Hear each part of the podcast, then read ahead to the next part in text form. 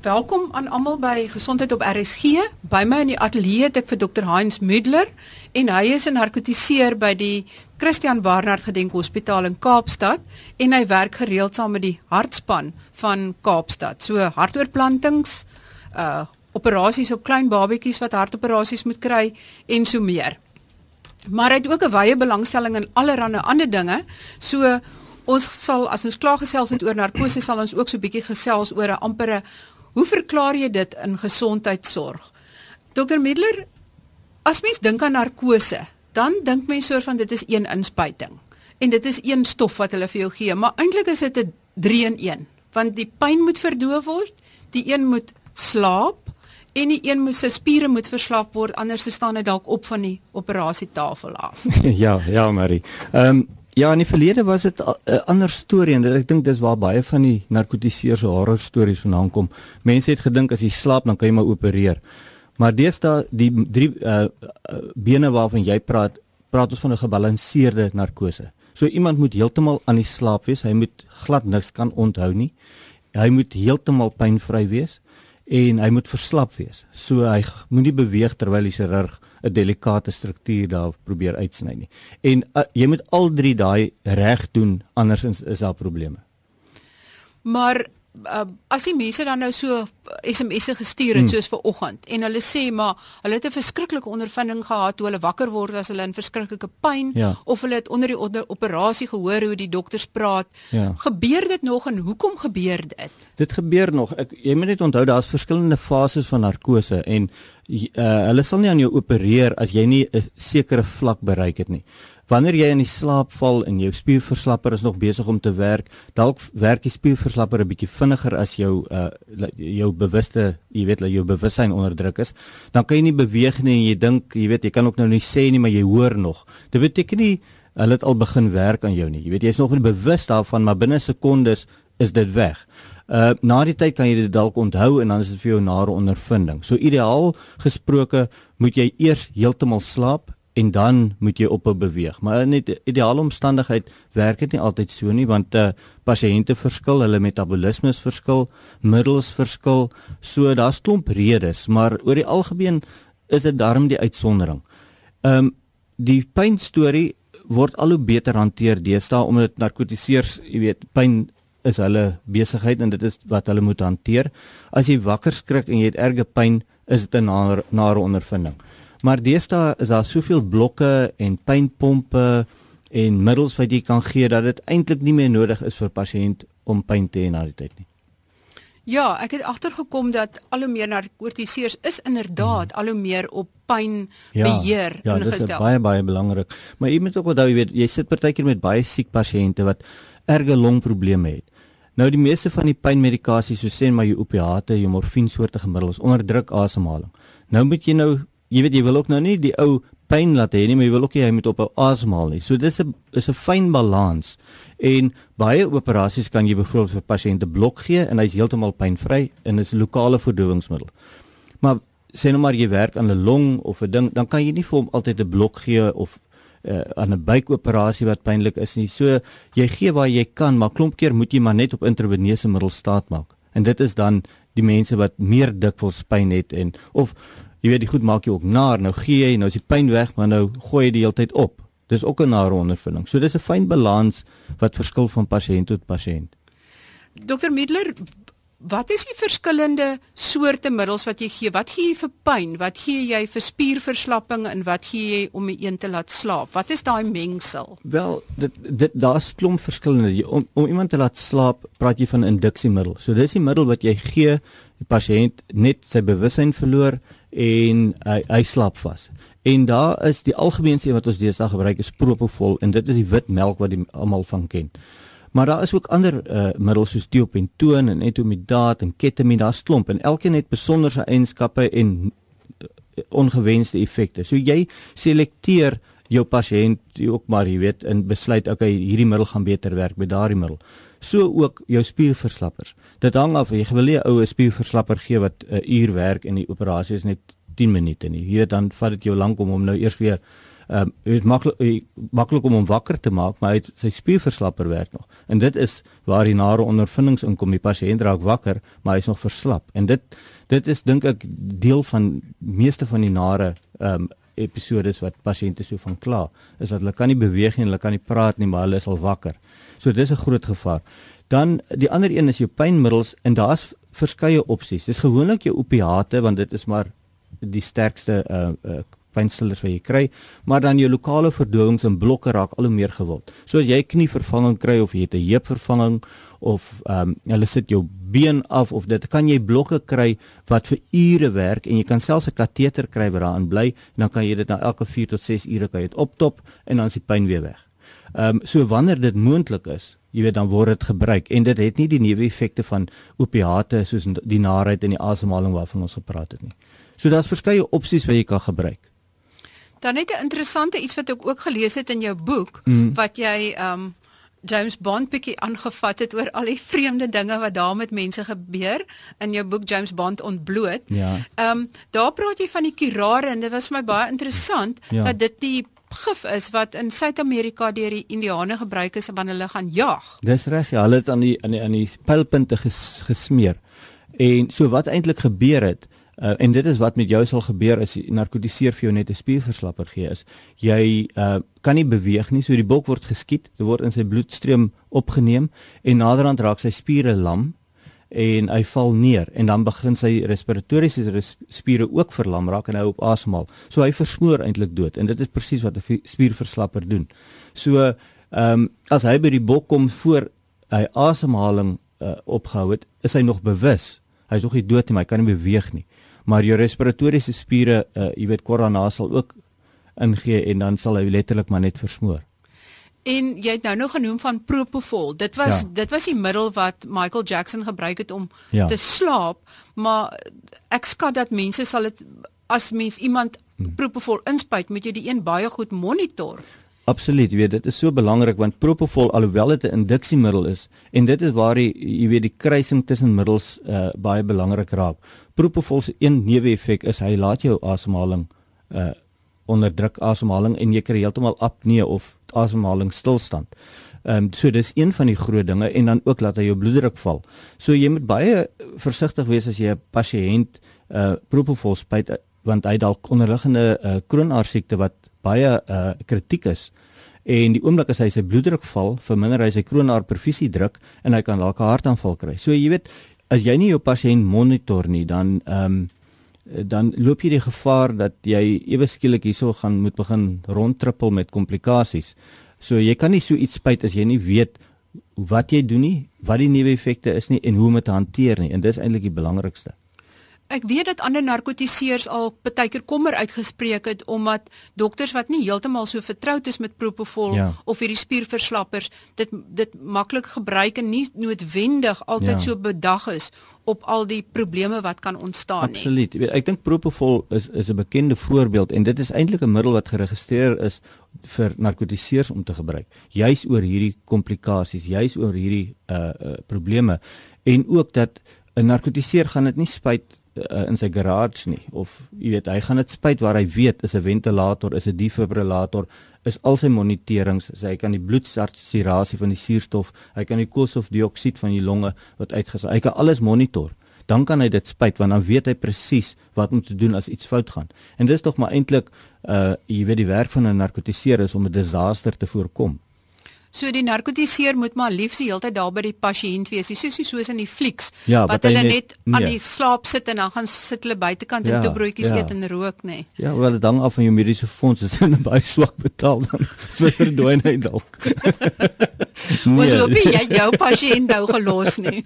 ja, hy slaap mooi vas tot hy weg is. Ehm um, nee, dis net 'n grappie, dis net 'n grappie. Die narkotiseer uh, ek dink baie min mense weet eintlik wat hulle doen. Jy weet omdat ja. dit 'n ou is wat jy feitelik nooit sien nie. Hy is net ehm um, jy sien hom net voor die operasie en dan na die tyd is hy ehm um, uh, jy weet slaap jy en jy sien nie bewus van die operasie nie en as hy jy se pasiënt herstel het, sien jy hom ook nie weer nie. Al wat jy op wat deur opgevolg word is die chirurg.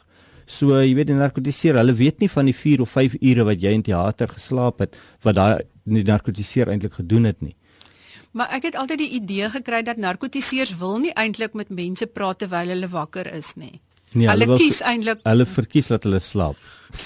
ja, en stil lê. Ja, kykie, die die patoloog verkies dit hy heeltemal Ja, baie stil lê. Dat hy baie stil lê. En die die radioloog wil ook nie noodwendig, hulle wil net na die ekstra kyk, hulle wil nie noodwendig hulle wil nie wil nie weet dit behoort aan lewende mens nie. Nee, Ja. nee, so kies elke professie word deur sy persoonlikheid absoluut. gekies. Dit is nogal so, ja. Die ehm um, ons het jy het nou gepraat van dit is eintlik die veiligste Mm. in 'n teater waar al die al die uh, hulpmiddels is Ja, om te ja. keer dat iets skeef kan loop. Absoluut. Jy weet, ek dink ehm um, as enige iets met jou moet verkeerd gaan, as jy sê nou maar nou respiratoriese versaking kry of jy moet uh, hart kry 'n hartaanval of jy kry defibrillasie, jou hartritme gaan uit of wat ook al, um, is die veiligste plek onder algemene narkose in 'n teater met 'n narkotiseer. Want dit is die man se werk om om om jou daardeur te trek. As dit op enige ander plek met jou gebeur, jy weet dan dan dink ek is jou risiko baie groter en dit is hoekom dit so belangrik is. Ehm um, baie mense doen deesdae bewuste sedasies. En ek dink die mense moet net attent daarop wees dat die die, die risiko is nie minder nie. Is in werklikheid is die risiko hoër. Verduidelik bietjie hoekom jy dit sê? Ehm um, dit vir 'n chirurg is dit klomp keer 'n uh, 'n trekpleister vir 'n pasiënt om te sê ag man, jy weet ons doen vir jou hierdie proseduretjie, jy het nie eers 'n algemene narkose nodig nie. Ons gee vir jou net 'n bewuste sedasie. Jy's 'n bietjie lomerig en so aan en so aan en dan dan gaan jy weer huis toe. En dit is so. Dit dit is dit is inderdaad meeste van die gevalle so, maar nou praat ons van mense wat heeltemal gesond is, wat geen onderliggende toestand het nie. En jy moet ook dit dan doen in 'n in in 'n plek waar al die monitors is deur 'n opgeleide narkotiseer wat dit vir jou gee. Want dit is so baie maklik om jou vingers te verbrand want jy maak die pasiënt net te diep en hy hou op asemhaal of sy bloeddruk val en hy begin ischemie kry of hy kry dit en hy kry dat en as jy nie al jou apparate daar het nie dan uh, is dis eintlik krimineel want jy weet wat om te doen maar jy kan dit nie doen nie. So jy moet 'n uh, pasiënt moet net bewus wees daarvan dat jy weet as as iemand onder algemene narkose is en hy slaap op 'n ventilator en iets gebeur, hoef ek nie nog te sukkel om 'n buis in sy longe in te sit en vir hom asem te haal en dan nie probeer aan te spreek nie. Hy's klaar. Ek kan die probleem net hanteer want die lugweg is klaar van my hande af. Ek het klaar daarvoor gesorg terwyl hy stabiel was. So ehm um, as jy iemand 'n bewuste sedasie gee en die ou dalk 'n kritieke hartletsel, ehm um, kan dit uitkom by 'n plek waar ek nie eintlik iets vir hom kan doen nie. Ja, want dit is nie so maklik om as jy nie elke dag 'n buis in iemand Ja. insit nie, is dit nie so maklik om dit net so vinnig onder uh, noodomstandighede nee, te doen nie. Nee, dit is dis 'n sirkus. Dit ontaard vinnig in 'n sirkus en jy weet al oor daaronder lê is is die pasiënt. So jy weet uh, ek dink jy 'n mens moet 'n bewuste sedasie um net aflag nie en ook as jy enigsins 'n prosedure doen wat sê net maar van die nek af op is. Dit beteken die, die chirurgkarring daar aan jou kop. Nou hardop die pasiënt 'n probleme en hy hou op asemhaal of hy kry uh, lugwegobstruksie of iets. Nou is dit die chirurgiese veld wat steriel is en jy moet ook nou daarin. Jy weet so nou probeer jy dalk 'n bietjie wag en sê jy maar jy weet uh, kom ons probeer nog 'n bietjie wag 'n bietjie dit en dit en dan kan dit te laat wees. So dis daar is risiko's. Jy weet as jy beheer het oor die pasiënt se kop en gesig en die pasiënt die dokter die chirurg werk op die buik of op die knie of op die voet, dan is dit baie makliker vir jou want jy toegang uh, tot die lugweg. Maar as jy nie eers dit het nie, dan dan dan verkies jy 'n baie gesonde pasiënt of jy gee hom algemene narkose. Ja, so eintlik moet slegs 'n dokter wat iemand wat gespesialiseer het in in narkose Ja. dit toedien of iemand wat minstens 'n diploma in narkose het. Dis reg. Ek wil jy en, en ondervinding het. Jy weet, dit help nie jy doen bewuste sedasies en jy doen glad nie algemene narkoses nie. Want nou kom daar 'n probleem en jy intubeer pasiënte once in a blue moon en ewe skielik moet jy en jy kry dit reg nie, dan is dit net so 'n uh, fiasco. Jy weet so jy moet uh, jy kan nie uh, ek sal nie sommer bewuste sedasies doen as ek die algemene narkoses ook doen nie. Want die probleme wat jy gaan kry gaan dieselfde wees maar jy behandeling gaan verskil omdat jy nie genoeg ondervinding het nie. Ja, dit is nou interessant want in 'n in 'n vorige studie wat gedoen is, was dit het dit ook aan die lig gekom dat ehm um, dit is nou van die jonger dokters wat dan maklik spinale narkose ja. gee vir swangers vir ja, vir ja. tydens kraam ja. en dan loop hulle hulle ook lelik vas omdat hulle nie bedag is op die komplikasies wat kan Absoluut. En veral uh, spinale tydens swangerskap is uh, kan baie vinnig skeefloop ook omdat jy weet die volumes van van die, van die spinaalkoord, die volumes lokale verdowing wat jy gee vir 'n swanger vrou is baie baie minder as byvoorbeeld vir 'n gewone nie swanger persoon wat sê maar knievervanging kry. Uh dit is helfte of selfs minder. Ehm um, as jy te veel gee, dan dan kan jy 'n hoë blok kry. En as jy nie daar patent is nie, hou die pasiënt op asemhaal voor jou. So jy moet al is die pasiënt wakker, al voel sy nie pyn nie, kan sy na 'n halfuur kan daai ehm um, verdowing opgaan en haar breinstam onderdruk en sy kan op asemhaal. So jy weet jy het heelwat uh, probleme waaraan jy kan hardloop en dan moet die pasiënt geïntubeer word, moet geventileer word tot tot dit uitwerk. So as jy nou nie 'n ou is wat algemene narkose gee nie, nou moet jy 'n ligweg uh, wys insit in 'n swanger vrou wat meeste van die tyd nie 'n maklike werk is nie want hulle is geswel, hulle is edemeteus, so hulle is bekend dat dit 'n moeilike lig weer is om te hanteer. So, so weer eens is dit ondervinding. Jy weet dat dit is baie maklik om net 'n spinaal te doen. Ehm um, maar dis daarna waar jy moet opgelyk wees. Ek wil ek kan vir jou eh, die bestanddele gee om 'n brood te bak. Maar en ek kan dieselfde bestanddele gee vir 'n top chef. Maar jy weet julle brode gaan nie dieselfde lyk nie. Jy weet dit is wat jy daarmee maak en hoeveel ondervinding jy het en dit is klein fyn nuances wat wat wat jou werk 'n spesialiteit maak en, en en dit is waarom jy 'n narkotiseer nodig het vir sekere goed en nie sommer net enige ou wat dit kan doen kan aanstel nie. Daarom sidder ek baie keer as ek sien uh, dat sekere van hierdie Zuma poste, die ja. uh, uh, gemeenskapsdiensposte ja. vir jong dokters is in hospitale of in plekke waar daar nie noodwendig ordentlike toesig is nie Absoluut, en hierdie ja. arme jong dokters is word uitgelewer. is uitgelewer ja, aan ja. onmoontlike situasies. Totale al, jy weet in en jy, jy weet jy, die ondervinding wat 'n mens nodig kry kom gewoonlik wanneer daar nie iemand is nie. Ehm um, wat dit gebeur 3 uur in die nag. Uh so as jy by 'n hospitaal is waar iemand jou van die begin af wys hoe sit jy sentrale venese lyne op, hoe sit jy intraarteriële lyne op, hoe doen jy dit? Jy gaan dit nodig kry. En jy gaan dit nodig kry wanneer daar nie iemand is nie. Ehm um, so is daar nie eers iemand is om jou dit primêr te leer nie. Jy weet wat dan gaan jy dit nie doen nie en dan daai pasiënt word gekommenteer, hy gaan dit hy gaan dit maak nie. Jy weet die risiko is net te groot. So jy en, jy weet die aanvanklike opleiding, jy het nou jou graad, jy het nou jou kennis, maar ek vir jou sê daar is geen uh, alternatief of geen plaasvervanging vir ondervinding nie. Jy dit is 'n hands-on werk en veral narkose, jy weet Ehm um, naderhand ra raak hierdie tipe van goeters instinkmatig. Jy weet wanneer jy moet optree, jy weet wanneer jy iets moet doen. Ehm um, jy weet nie dalk nie altyd hoekom nie, maar jy weet dit is nou tyd of nou moet ek dit doen. Ehm um, juis net oor ondervinding. So dit is so 'n belangrike punt wat jy maak, jy weet, want daai waar gaan hulle dit leer?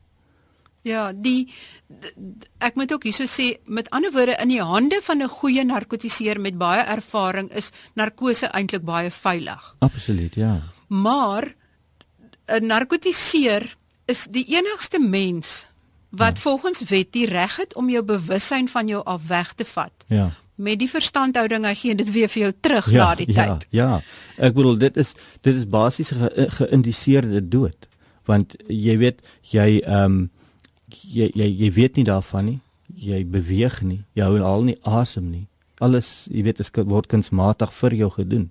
En dan word dit na die tyd omgekeer en dan word jou eie fisiologiese funksies weer aan jou teruggegee. En dit moet gebeur sonder dat jy enige letsel oorhou.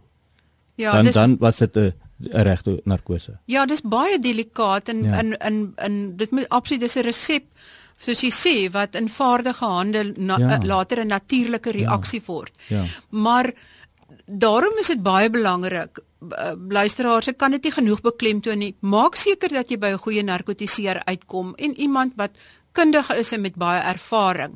Maar dit is ook baie belangrik om alle moontlike probleme wat jy self ondervind vir jou chirurg en jou narkotiseer te sê en met hulle te deel want sekere goed kan jou risiko tydens narkose baie uh, nadelig beïnvloed. Byvoorbeeld as iemand rook of as hy gereeld alkohol gebruik of ander dalk dwelmmiddels gebruik. Ja. Vertel ons 'n bietjie daarvan, wie is daai risikogevalle wat moeilik is? Ek sien die die jy kan amper dit maar opdeel in twee risikogroepe. Die een groep is wat hulle vir jou sê, kyk ek rook en ek drink, dan weet jy okay, hy het baie insieme van hom geïndiseer. Hy het waarskynlik meer middels nodig. Ehm um, as hy dit vir jou sê nie gee dalk te min en dan kry, praat soos ons van die horror stories gepraat het hy het nog op 'n beweeg terwyl hy nog wakker was. So deel daai inligting aan die narkotiseer dat hy weet man hierdie ou het waarskynlik nog 'n ekstra dosis nodig of wat ook al. En as jy rook, dit is belangrik want jy weet hoe om so ou te ventileer, hy het ander behoeftes. Jy weet ook wat jy moet doen post-operatief, moet ek hom vroeg van die ventilator afhaal, watse tipe bloedgasse het ek nodig vir hierdie ou om sy eie asemhaling weer te handhaaf. So dis alles belangrike goed. Ehm um, en dan natuurlik in suikersiekte en enige ander onderliggende siekte. Maar die ander is die meer subtiele risiko's en dit is meer gevaarlik. Dit is ouens wat elke uh, middag om die blok stap, maar die afgelope 3 maande kom hy agter maar hy moet nou kort kort rus of hy voel dit het 'n drukking op sy bors, maar hy was nog by die dokter nie. So dit is subtiele goeters wat 'n narkotiseer, jy weet vir absolute kardinale eh, belang is vir 'n narkotiseer want dit kan dalk 'n onderliggende kroonaar siekte wees en hy weet wanneer jy geïndiseer gaan word, jou bloeddruk val, kan jy dalk daai kroonaar te min bloed perfuseer na die hart toe. So ehm um, en dit is weer eens kom ons dan terug, as die ou onder algemene narkose is en dit gebeur, is hy op die regte plek waar jy iets vir hom kan doen. Maar natuurlik sal 'n ou dit graag voor die tyd wil hê. Jy wil hê die ou moet dalk 'n angiogram kry, kyk hoe lyk sy kroonare en as dit dan nou kritieke letsels is, laat hy 'n kroonaar omleiding kry of 'n stent kry of wat ook al en dan kom hy vir sy knie. Jy dan weet jy daar is nie 'n gevaar nie. En baie pasiënte word gediagnoseer met ernstige siektes juis omdat hulle kom vir narkose wat net om die narkotiseer sê jong maar hierdie ou moet 'n ekstra kry of hierdie ou moet daai bloedtoets kry of 'n angiogram kry. Ehm um, so partykeer uh, is dit goed om te gaan vir 'n operasie en die narkotiseer ehm um, sorteer jou uit eh, dat jy dalk ander probleme het. Want hy jy weet voorkoming is maar die beste. Jy wil nie 'n siek ou in teater hê nie want jy jy, jy risiko so min as moontlik hou. Ja, met ander woorde, jy word vir toetse en ondersoeke gestuur, ja. nie om dat die dokter moet geld maak nie, nee. maar om jou lewe so veilig as moontlik ja, te hou. Ja. En jy is in 'n hospitaal en jy weet as dinge verkeerd loop in 'n teater, loop dit vinnig verkeerd. Jy weet so 'n mens wil voor die tyd weet hierdie ou is stabiel en klaar. Want jy weet jy het nog ander foute ook wat kan insluit mense het 'n anafilaktiese reaksie teenoor middels. Nou ewe skielik kry iemand anafilaksie nou weet jy nie, is dit dalk die hart, is dit dit dit kan enige ding wees. So dit moet jy nou uitsorteer. Maar as jy vooraf weet hierdie ou se kroonare is oop, dan weet jy okay. Dis nie dit nie. Jy weet so dit dit alles help om die puzzle vir jou te bou, elke brokkie inligting.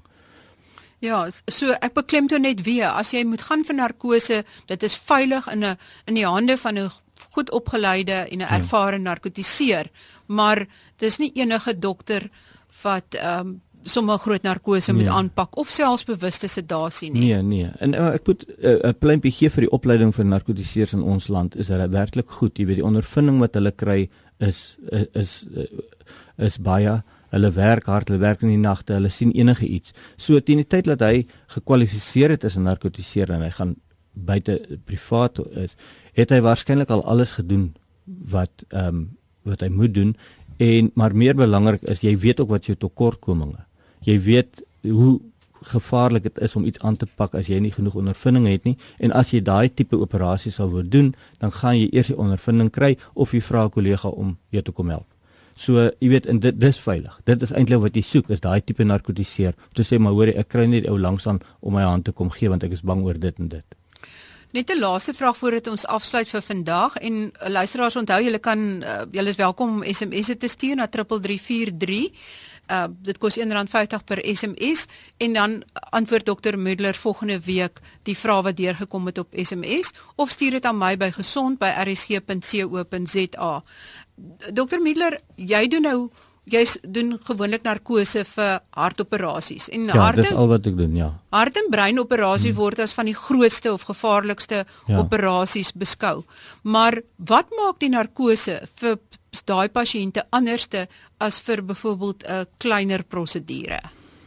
Ehm um, eerstens die, die monitering wat jy het vir vir vir hartoperasies verskil van gewone operasies omdat jy elke hartklop moet jy bewus wees van wat die bloeddruk is. So jy het verskillende lyne in arteriële toegange en veneuse toegange en jy monitor jou suurstof na jou brein toe want jy het 'n pasiënt wat jy op 'n uh, 'n uh, bypass masjien gaan sit. Jy wil seker maak sy brein kry genoeg suurstof. Jy koel hom af. So jy jy verander die totale al die fisiologie. So jy wil al jou organe wil jy monitor om te kyk dat hulle optimaal funksioneer. Uh, wat jy dit nie nodig het by ander ehm um, tipe operasies nie want uh, die pasiënt het min vogverskywings, hy het min, jy weet, in 'n kort want hoe langer jou operasie is, hoe hoe meer gevaarlik raak dit en hoe meer belangrik raak dit om 'n pasiënt goed te monitor. So dis heeltemal 'n ander tipe narkose. Jy gebruik ook ander tipe middels of ander doserings van middels. Ehm um, jy alles doen jy om die hart te beskerm wat alreeds uh, gekompromiteer en siek is. Ehm um, so alles is uh waar ons byvoorbeeld soos ons nou net oor propofol gebruik het, gepraat het wat algemeen gebruik word vir meeste operasies, gebruik ons dit glad nie vir die harte nie. Jy weet so dit daar's pertinente verskille van uh met kardiale narkoses as van gewone narkoses. Dis baie interessant. Ehm um, dit is dan op hierdie noot moet ons dan afsluit vir hierdie week, maar onthou volgende week gesels ek verder met dokter Müdler en dan hanteer ons die uh, interessante vrae van die luisteraars wat ingekom het en ons gesels ook bietjie oor ander goed. Wat ons nou nie by uitgekom het nie is ehm um, wat gebeur as jy in 'n in 'n bak verf val of jou vel kan asemhaal of nie en of jy doodgaan en allerlei ander interessante goed wat ons ook na gaan kyk is as jy byvoorbeeld langdurige blootstelling aan stoom, die effek van oesters, ehm um, waarom was Goliat so uh, ontvanklik vir daai klippie klip. vir Dawid se klip ja. So uh, baie interessante goed wat nog gaan volg volgende week.